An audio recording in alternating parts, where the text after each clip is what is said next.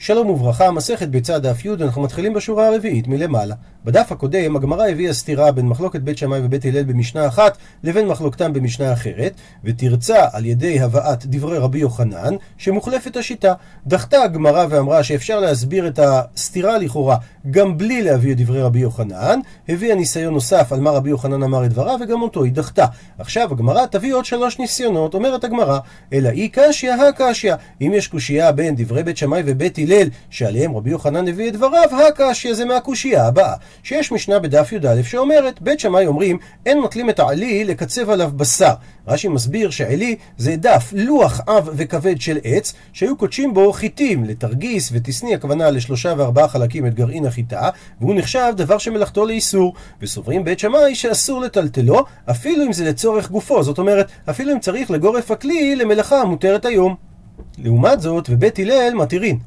הוא מדייק את הגמרא, אלמא, תאמר, שלגבי שמחת יום טוב, כאשר יש לנו איסור דרבנן, בית שמאי הולכים לחומרה ובית הלל לקולה, ורמינהו, וסתירה בין שתי מקורות תנאיים, שהרי המשנה שלנו אומרת שהשוחט חיה ועוף, בית שמאי וכולי, שאם יש דקר שנמצא תקוע בעפר, הם מתירים לשחוט ולכסות, לעומת בית הלל שאסרו. אז אם ככה אנחנו אומרים שבית שמאי דווקא נהגו לקולה ובית הלל לחומרה, ועל זה אומרת הגמרא, אמר רבי יוחנן, מוחלפת השיטה.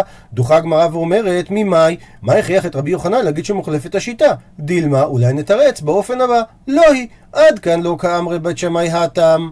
מה שבית שמאי התירו לגבי הדקר שנעוץ בקרקע, זה אלא היכא דאיכא דקר נעוץ, ואין אפילו איסור דרבנן. אבל היכא דלקר דקר נעוץ, לא, אבל במקרה שאין דקר נעוץ בקרקע, ודאי שבית שמאי לא ידחו איסור בגלל עניין יום טוב. וזה תואם למה שבית שמאי אמרו, אין נוטלים את העילי לקצב עליו בשר. אי נמי, ובואו נסביר גם לפי זה את שיטת בית הלל. עד כאן לא כאמרי בית הלל האחה, מה שבית הלל אמרו שמותר לטלטל את העילי לקצב עליו בשר, אלא דאי כתורת כלי עליו. ולכן, אף על פי שמלאכתו לאיסור, מותר לטלטלו לצורך גופו. אבל הטעם לא. אבל שם, לגבי הדקר שנעוץ בקרקע, בית הלל לא התירו, בגלל שהם חוששים שאולי הוא יטחון את רגבי האפר, שכן יהיו מדובקים לדקר. חוזרת הגמרא לשאלה, אז אם כך, על מה בעצם רבי יוחנן אמר מוחלפת השיטה? מביאה הגמרא אפשרות נוספת, אלא אי קשיא הקשיא, שיש משנה. בדף י"א, שאומרת ככה, בית שמאי אומרים, אין נותנים את האור לפני הדורסן, ולא יגביהנו, אלא אם כן יש עליו כזית בשר. מדובר על בהמה ששחטו אותה ביום טוב והפשיטו את האור שלה ביום טוב. אז לא נותנים אותו לפני הדורסן זאת אומרת לא ישטחו את האור במקום של דריסת הרגליים כי זה צורך עיבוד שמתאבד האור על ידי דריסת הרגליים. לעומת זאת ובית הלל מתירים. ובשלב הזה אנחנו מבינים שהם מתירים משום שמחת יום טוב, שהרי אם לא תתיר לו לשים את האור לפני הדורסן, הוא יימנע מלשחוט, ואם ככה תימנע ממנו שמחת יום טוב. מסיקה הגמרא עלמא, תאמר, גבי שמחת יום טוב, כאשר יש לנו מול שמחת יום טוב איסור דה רבנן, בית שמאי לחומרה ובית הלל לקולה. ורמיני, והרי סתירה מהמשנה שלנו, השוחט חייב העוף ביום טוב וכולי, כמו שכבר ראינו, ועל כך מתרצת הגמרא, אמר רבי יוחנן, מוחלפת השיטה. דוחה הגמרא ואומרת, ממאי, מה הכריח את רבי יוחנן להגיד מוחלפת השיטה? הרי ניתן לתרץ באופן הבא. דילמא לא היא, לא צריך להגיד מוחלפת השיטה, כי עד כאן לא קאמרי בית שמאי התם, אלא היכא דאיכא דקר נעוץ, אבל היכא דליכא דקר נעוץ, לא.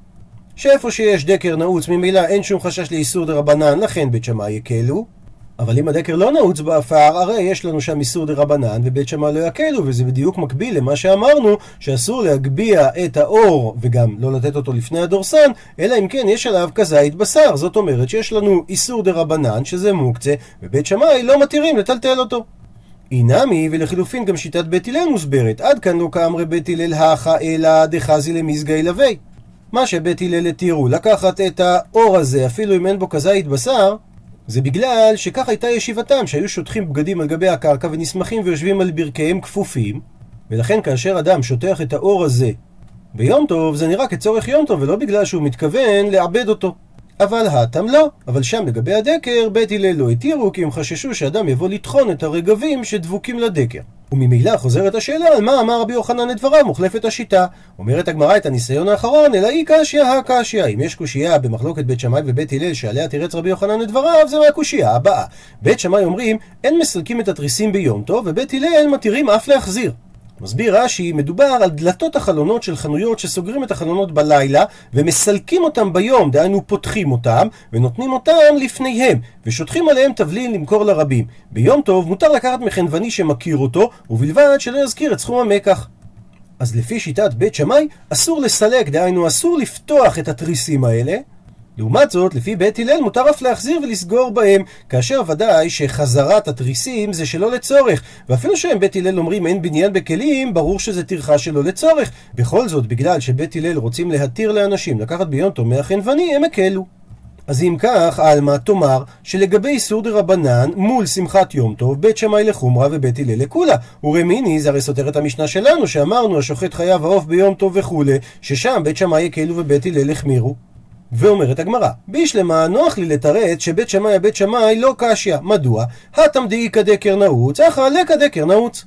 כלומר, כאשר הדקר נעוץ בקרקע אין שום חשש איסור דה רבנן, בזה בית שמאי יקילו, אבל במקרה של התריסים אין טעם להתיר, שהרי סוברים בית שמאי יש בניין בכלים. ולכן הם החמירו. אלא בית הלל הבית הלל קשיא. כי אם הם התירו להחזיר את התריסים ביום טוב, מדוע הם לא התירו לשחוט כאשר יש דקר נעוץ? ועל כך אמר רבי יוחנן מוחלפת השיטה. ולפי מסורת הש"ס, שוב פעם דילמה לא היא, עד כאן לא כאמרי בית הלל האחה, מה שבית הלל פה הקלו, אלא משום דאין בניין בכלים ואין סתירה בכלים. ואם כך, אין שום טעם לאסור את זה, אבל הטעם לא. אבל שם, לעניין הדקר הנעוץ בקרקע, עדיין חששו בית הלל לאיסור דה רבנן, ולכן הם לא הקלו. למשנה הבאה נקדים את עניין גידול יונים. יונים שהמשנה מדברת עליהם הם יוני שובח ולא יוני בר, דהיינו אין בהם איסור צידה. השימוש במתקנים לגידול יונים מתקיים בארץ ישראל במשך כאלף שנה מתקופת שלטון בית תלמי, שזו התקופה ההלניסטית, עד התקופה הביזנטית. זאת אומרת, מהמאה הרביעית לפני הספירה עד המאה השישית לספירה. יש על כך שרידים ארכיאולוגיים ומקומות ספרותיים רבים. הסוג הראשון נקרא קולמברגיה, זה מתקנים חצובים בסלע הקרטון הרך מתחת לפני הקרקע, אבל כשהתחילו מערות המסתור של מרד בר כוכבא, נטשו את הצורה הזאת. הסוג השני זה שובח, עליו מדברת המשנה שלנו. מתקנים אלה בנויים על גבי הקרקע, לפעמים חצובים עד מטר בסלע, ובניינים כאלו נבנו בסוף התקופה ההלניסטית ונמשכו עד התקופה הביזנטית. היונים שימשו את האדם למספר דברים. בראש ובראשונה הם בויתו בגלל הבשר. ביהדות הן גם קשרות להקרבה על המזבח, ונמנות כחלק ממצוות הקורבנות בספר ויקרא. את ביצי היונים ניתן לאכול, הנוצות שימשו לריפוד דברים כמו כרים או לתפירת שמלות, שליחת דואר על ידי יונים מהירות ביותר. בזמן מלחמה היו יוני מלחמה אפילו כאלה שקשרו פצצות והם עפו אל שטח האויב והתפוצצו שם. כיום אנשים מגדלים יונים למטרות נוי ומחמד. בשנת 1953 היה בצה"ל יחידה של יונים, שהיה שם אלף יונים ששכנו בשובחים רבים בכל חלקי הארץ במסגרות של צה"ל. השתמשו בהם בכל מיני מטלות ופעולות, בין השאר טייסים וצנחנים צוידו ביונה לפני הפעולה שלהם. בבת שבע חיל התקשוב הייתה אנדרטה ליונה האלמונית עד שאיזה טרקטור הוריד אותה. וכך אומרת המשנה, בית שמאי אומרים לא ייטול אלא אם כן יענה מבעוד יום, ובית הלל אומרים עומד ואומר זה וזה אני נוטל. זאת אומרת, גם לפי בית שמאי וגם לפי בית הלל צריך להכין את יוני השבח מבעוד יום, רק שלפי בית שמאי צריך ממש לנענע, להרים אותם, ולפי בית הלל מספיק להצביע עליהם ולהגיד את זה ואת זה. אומרת הגמרא, אמר רב חנן בר עמי, מחלוקת של בית שמאי ובית הלל זה בבריחה הראשונה. מסביר רש"י שהיונים יולדות בריחה בכל חודש וחודש, וזה שתי גוזלות, זכר ונקבה, והם מפסיקים בתקופת טבת, וחוזרים ויולדים מניסן שוב פעם. ודרך מגדלי היונים להניח את הזוג, את הבריחה הראשונה של כל שנה, כדי שיהיה צוות לאימא והיא לא תיטוש את הקן. דבית שמאי סברי גזרינן דילמאתי לאמלוכי, ובית הלל סביי לא גזרינן. דהיינו, בית שמאי אומרים צריך לנענע מבעוד יום, כי הם חוששים אולי הבן אדם יבוא להימלך, והוא יחוס על הגוזלים האלה, כי זה הרי הגוזלים הראשונים, ואם ככה, מה שהוא עכשיו הרים אותם ביום טוב זה שלא לצורך. אבל, אם אנחנו אומרים לו תנענע, תמשמש מהם מבעוד יום, אז אם ככה הוא כבר גמר בדעתו שהוא הולך לשחוט אותם, והוא לא ירחם עליהם, ואז אנחנו לא חששים שהוא יבטל את הלקיחה שלהם. לעומת זה בית הלל לא חששו לדבר הזה. ואומר רב חנן בר עמי, אבל בבריחה שנייה, דהיינו בזוג השני של הגוזלים, דברי הכל מסכימים בית שמאי לבית הלל, בעומד ואומר זה וזה אני נוטל, סגיה זה מספיק. שואלת הגמרא, ובית הלל, למה ללמימר, למה הנוסח שאדם צריך לומר, זה וזה אני נוטל בצורה ספציפית, לימה שיאמר, מכאן אני נוטל למחר, ולא יפרט, ואנחנו כבר נאמר שיש ברירה. זאת אומרת, שמה שהוא לוקח, מתברר שאליהם הוא התכוון. אלא מה, וכי תימה, אולי תאמר שבית הלל סוברים, לית להו ברירה, ואז כאשר הוא שוקל למחרת, אולי לא את אלה הוא התכוון לקחת, והרי הוא לא התכוון לקחת את כולם, אלא רק כדי צורכו. אז אם בית הלל אומרים לית לאו ברירה, דהיינו לא מתברר למפרע שאל זה הוא התכוון, לכן צריך לומר את הנוסח הספציפי זה וזה אני נוטל, והרי והתנן שנינו במשנה במסכת אוהלות. שבית הלל כן סוברים שיש ברירה. הוא מפרט את המשנה. המת בבית, ולא פתחים הרבה, כולם טמאים. זאת אומרת, יש גופה בתוך הבית, ולכל הפתחים יש את אותו סטטוס. או שכולם פתוחים, או שכולם סגורים. אז כולם טמאים, הכוונה כל הכלים שמונחים בחלל הפתחים, תחת עובי התקרה של הפתח, הם טמאים. אמנם הם לא נמצאים תחת הגג שמעיל על המת, אבל גזרו חכמים טומאה גם על המקום שהוא דרך יציאת הטומאה, שסופו של המת לצאת דרך שם. במקרה שלנו, איננו יודעים באיזה פתח יוציא אותו, ולכן כל הכלים טמאים. מקרה שני במשנה, נפתח אחד מהם, דהיינו אחד מהפתחים, הוא טמא וכולם טהורים. מסביר רש"י, נפתח אחד מהם אחרי מיתת המת, אז אותו פתח, הכלים שהיו שם כאשר המת נפטר, או הכלים שיביאו אחר כך, אז הם יהיו טמאים, אבל כל השאר טהורים, וזה לדברי הכל, דהיינו, גם לבית שמאי, גם לבית הלל, כמו שנראה אותם בהמשך, שהם מעמידים שמכאן ולהבא בכלים המובאים לתוך הפתחים האלה אחרי כן מבחוץ, הרי ודאי שהם טהורים, כי כולם יודעים מאיזה פתח יוציאו את המת. ממשיכה הגמרא למקרה השלישי, חישב להוציאו באחד מהם, או בחלון שיש בו ארבעה על ארבעה, מצלת על כל הפתחים כולם.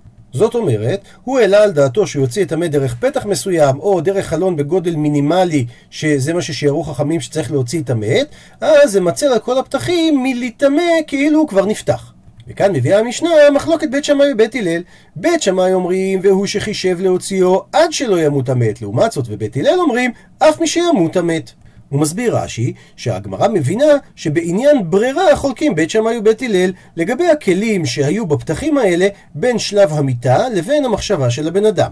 בית שמאי סוברים שאנחנו לא אומרים שיש ברירה, ואז היינו חושבים לומר שהסתבר למפרע מהיכן הוא הולך להוציא את הטומאה, וממילא לא ירדה הטומאה לשאר פתחים. לעומת זאת, בית הלל סברי שכן הוברר הדבר. וזה ההוכחה של הגמרא, שבית הלל יש ברירה, וממילא נשאלת השאלה, למה הם לא אמרו, מכאן אני נוטה למחר. והגמרא, האיתמר עלה, הרי כבר נאמר על המשנה הזאת, אמר רבא לטהר את הפתחים מכאן ולהבא, וכן אמר רבי יושעיה, לטהר את הפתחים מכאן ולהבא. מדייקת הגמרא, זאת אומרת, מכאן ולהבא אין, כן מועיל כדי לטהר את הפתחים, אבל למפרע לא. וממילא אפילו בית הלל סוברים שאין ברירה ואין מתארים אלא את הכלים שהביאו אותם אחרי שהוא חשב את הדבר הזה. אבל הכלים הראשונים טמאים גם לפי שיטת בית הלל ובית שמאי שהם מטמאים גם את הכלים האחרונים כי הם סוברים שמהרגע שירדה תורת טומאה לפתחים שזה קרה לפני המחשבה במיתת המת אז שוב אינה עולה הטומאה מהם אלא על ידי מעשה פיזי כגון נפתח הפתח ואז כשנפתח אחד מהם ודאי בזה לא חולקים גם בית שמאי והם יגידו שהכלים שיביאו אותם משם ואילך לא יטמאו. מביאה הגמרא אפשרות נוספת להסביר דברי בית הלל. רבא אמר לעולם למפרע. זאת אומרת שבית הלל יש להם ברירה. ולכן בשונה מהתשובה הקודמת, גם כלים שהיו שם בשלב הראשון, כאשר עדיין לא ידענו מאיזה פתח הוא יוציא, הם יהיו טהורים. ואם כך, אז למה בית הלל אמרו שאדם צריך להגיד את הנוסח של זה וזה אני נוטל ולא מכאן אני נוטל למחר? והכה, כי כאן היינו תמה, דילמה מטלטל ושביק מטלטל ושביק, ואז וכמטלטל מידי דלא חזי לי.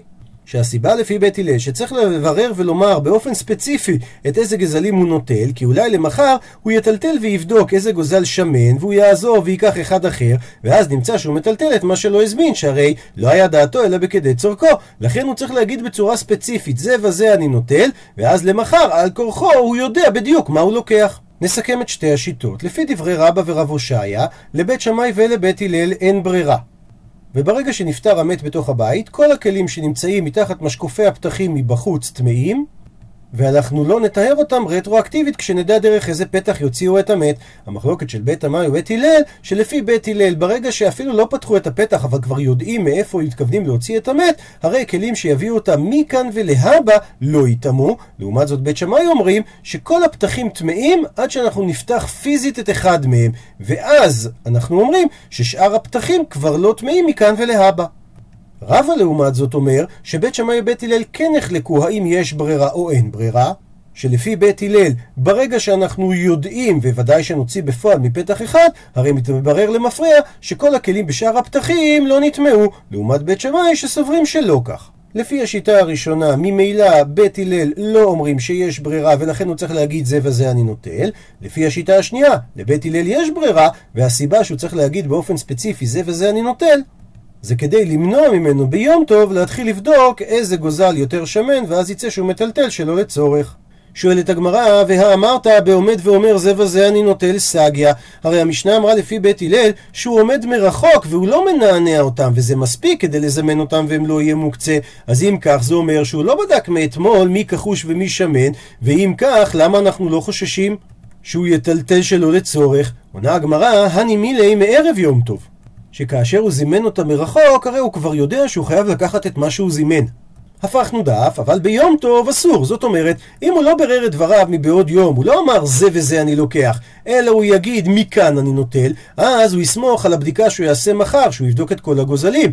דזימנין דמשתכחי שמנים כחושים וכחושים שמנים, שלפעמים יצא שאותם שנראים שמנים למראה עיניו בערב יום טוב, כשהוא ירים אותם הוא ימצא שבעצם הם כחושים על ידי שהוא ימשמש אותם, ואז הוא ירים את הכחושים ואותם הוא ימצא שמנים.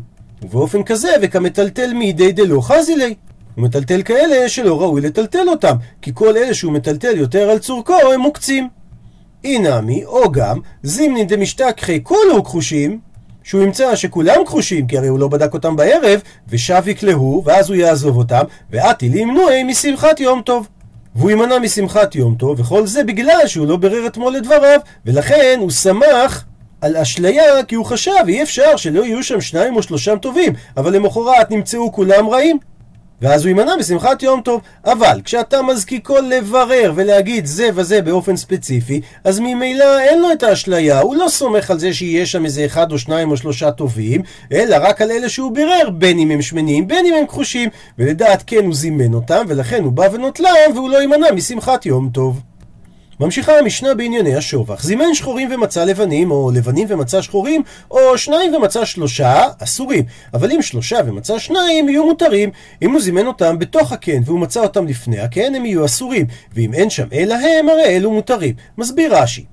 אם הוא זימן שחורים ולא היה שם עוד, ולמחר הוא מצא שכולם לבנים, אז ודאי שאותם שהוא זימן הלכו להם, ואלו שהוא מצא זה אחרים שהגיעו מעלמא לשובח. אותו דבר לגבי שניים ומצא שלושה, והוא לא מכיר את המוכנים, לכן כולם אסורים. אבל אם הוא זימן שלושה ומצא שניים, הם מותרים, כי אנחנו אומרים שגוזל אחד הלך והשניים נשארו.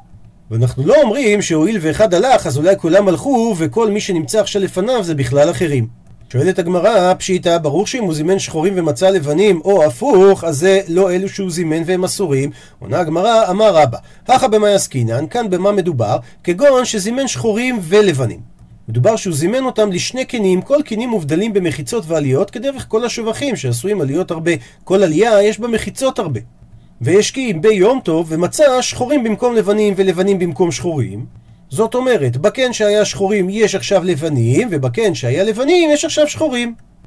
אז מהו דתימה? מה הייתי חושב לומר? הני אינהו נינו, זה בעצם אותם אלה שזימן מההתחלה, והתהפוכי התהפוך, והם עשו ביניהם מחלף עוד בקן. כמה שמלן, באה המשנה להודיע לנו, הנח, דהיינו גם השחורים וגם הלבנים שהוא זימן מערב יום טוב, אז דו לעלמא, הם התעופפו להם לעולם, והני אחריני נינו.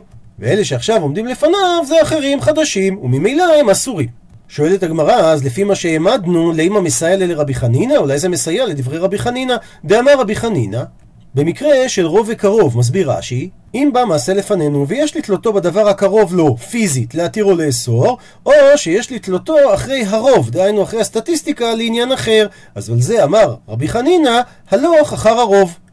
והמשנה שלנו גם מדברת לכאורה על אותו דבר, שהרי ניתן לתלות שהשחורים האלה היו כאן אתמול בקן שבצידו, ואותו דבר הלבנים ולומר שהם התהפכו. ובכל זאת, אנחנו לא תולים בקרבה הפיזית, אלא אנחנו אומרים מעל מעטו. זאת אומרת שהם פירשו מרוב היונים שקיימות שם.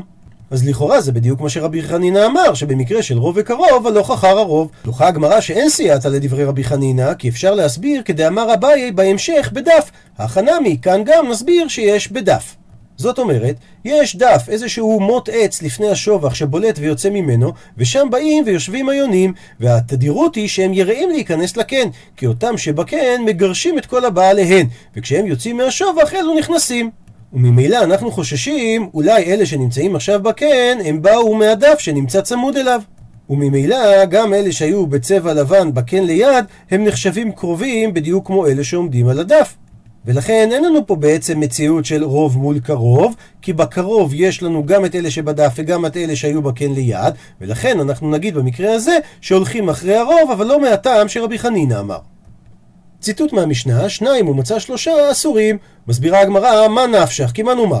אי אחרינינינו, אם זה אחרים לגמרי, האחרינינינו, הרי זה אחרים, והם מוקצים בשבילו. ואי לא אחרינינינו, וגם אם זה לא אחרים, אלא יש שם שניים שאותם הוא כן זימן, האי ככה דמערב בהו. הרי בסופו של דבר, יש פה אחד שהוא לא זימן, והוא לא יודע מי הוא, ולכן כולם מוקצים. ציטוט מהמשנה, שלושה ומצא שניים מותרים, שואלת הגמרא, מה היא טעמה? עונה הגמרא, הני אינהו נינו, וחד מיניו עזה לעלמא. אלה שעומדים לפניו זה אותם השניים שהיו פה אתמול, ואחד מהם הלך לעלמא, וממילא את השניים האלה מותר לו לאכול. שואלת הגמרא, לפי זה, לימה מתניתין שיטת רבי היא ולא רבנן, דתניא, שכך שנינו. בברייתא במסכת פסחים, הניח מנה ומצא 200, חולין ומעשר שני מעורבים זה בזה, דברי רבי. וחכמים אומרים, הכל חולין. הניח 200 ומצא מנה, מנה מונח ומנה מוטל, דברי רבי, וחכמים אומרים, הכל חולין. הוא מסביר לנו רש"י. אדם הניח מנה ממעות מעשר שני בתיבה. אבל אז הוא לא מצא מנה שזה מאה, אלא הוא מצא 200.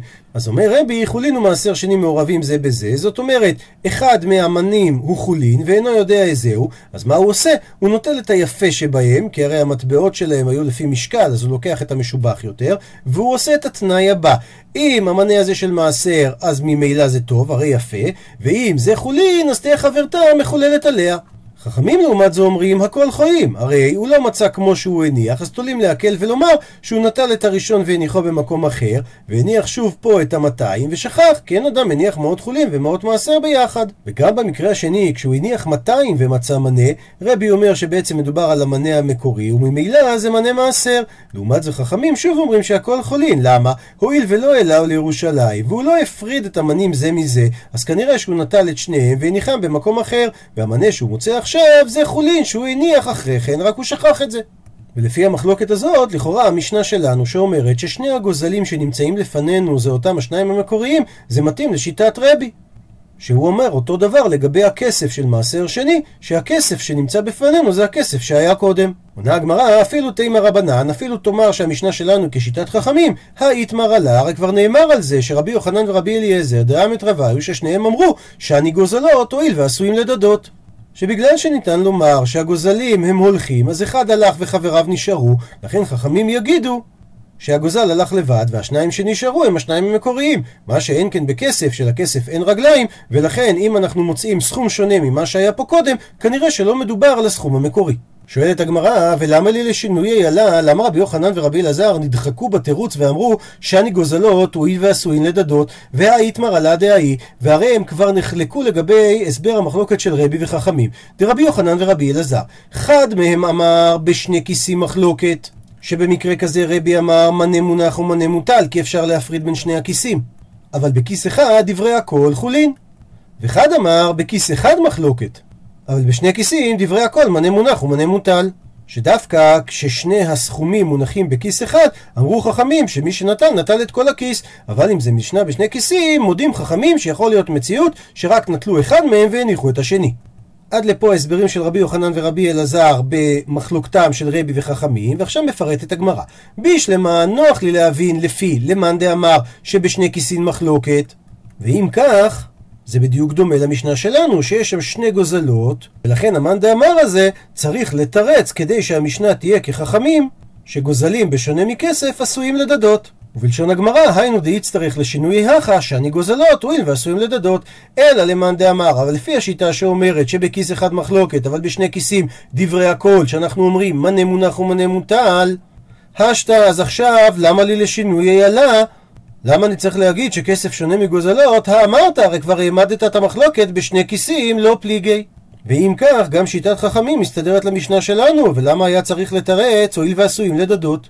מסבירה הגמרא שגם לפי המאן דאמר הזה צריך את התירוץ. הרב אשי, לא הבנת בכלל את הברייתא. הכה, כאן במשנה שלנו, אנחנו צריכים להסביר שמדובר בגוזלות מקושרים וכיסים מקושרים עסקינן. זאת אומרת, לפי מי שאמר שבכיס אחד מחלוקת, הוא בעצם מתכוון לשני כיסים שקשורים, אז הם כעין כיס אחד. אז במצב הזה, מדובר על שני כיסים מקושרים שנחלקו חכמים ורבי. לעומת זאת, מה שהוא אמר שבשני כיסים דברי הכל, מנה מונח ומנה מוטל, הוא בכלל דיבר על שני ארנקים, שני כיסים שהם לא קשורים אחד לשני. המשנה שלנו, לעומת זה, שמדברת על הגוזלות, היא מדברת על גוזלות שהיו קשורים מערב יום טוב. וכאשר הוא מצא עכשיו פחות ממה שהיו קשורים בהתחלה, אנחנו לא אומרים שמישהו לקח את כולם ואלו שעכשיו נמצאים לפניו זה גוזלים אחרים.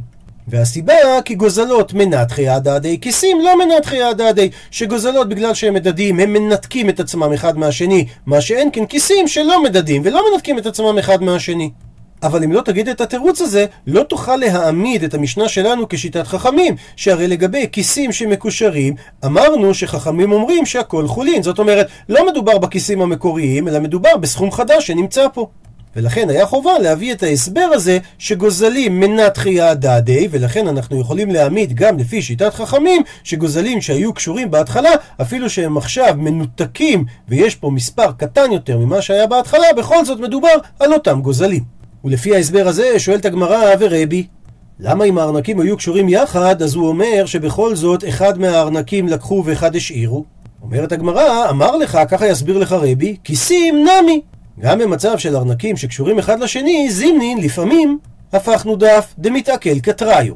שניתר הקשר שלהם ומתפרק מאליו, וממילא מי שבא ולקח, אולי הוא כבר לא מצא אותם מקושרים, ולכן הוא חטף רק אחד הארנקים והלך לו, וממילא הארנק שנשאר בפנינו גם הוא מעות מעשר שני. עד לכאן דף י'.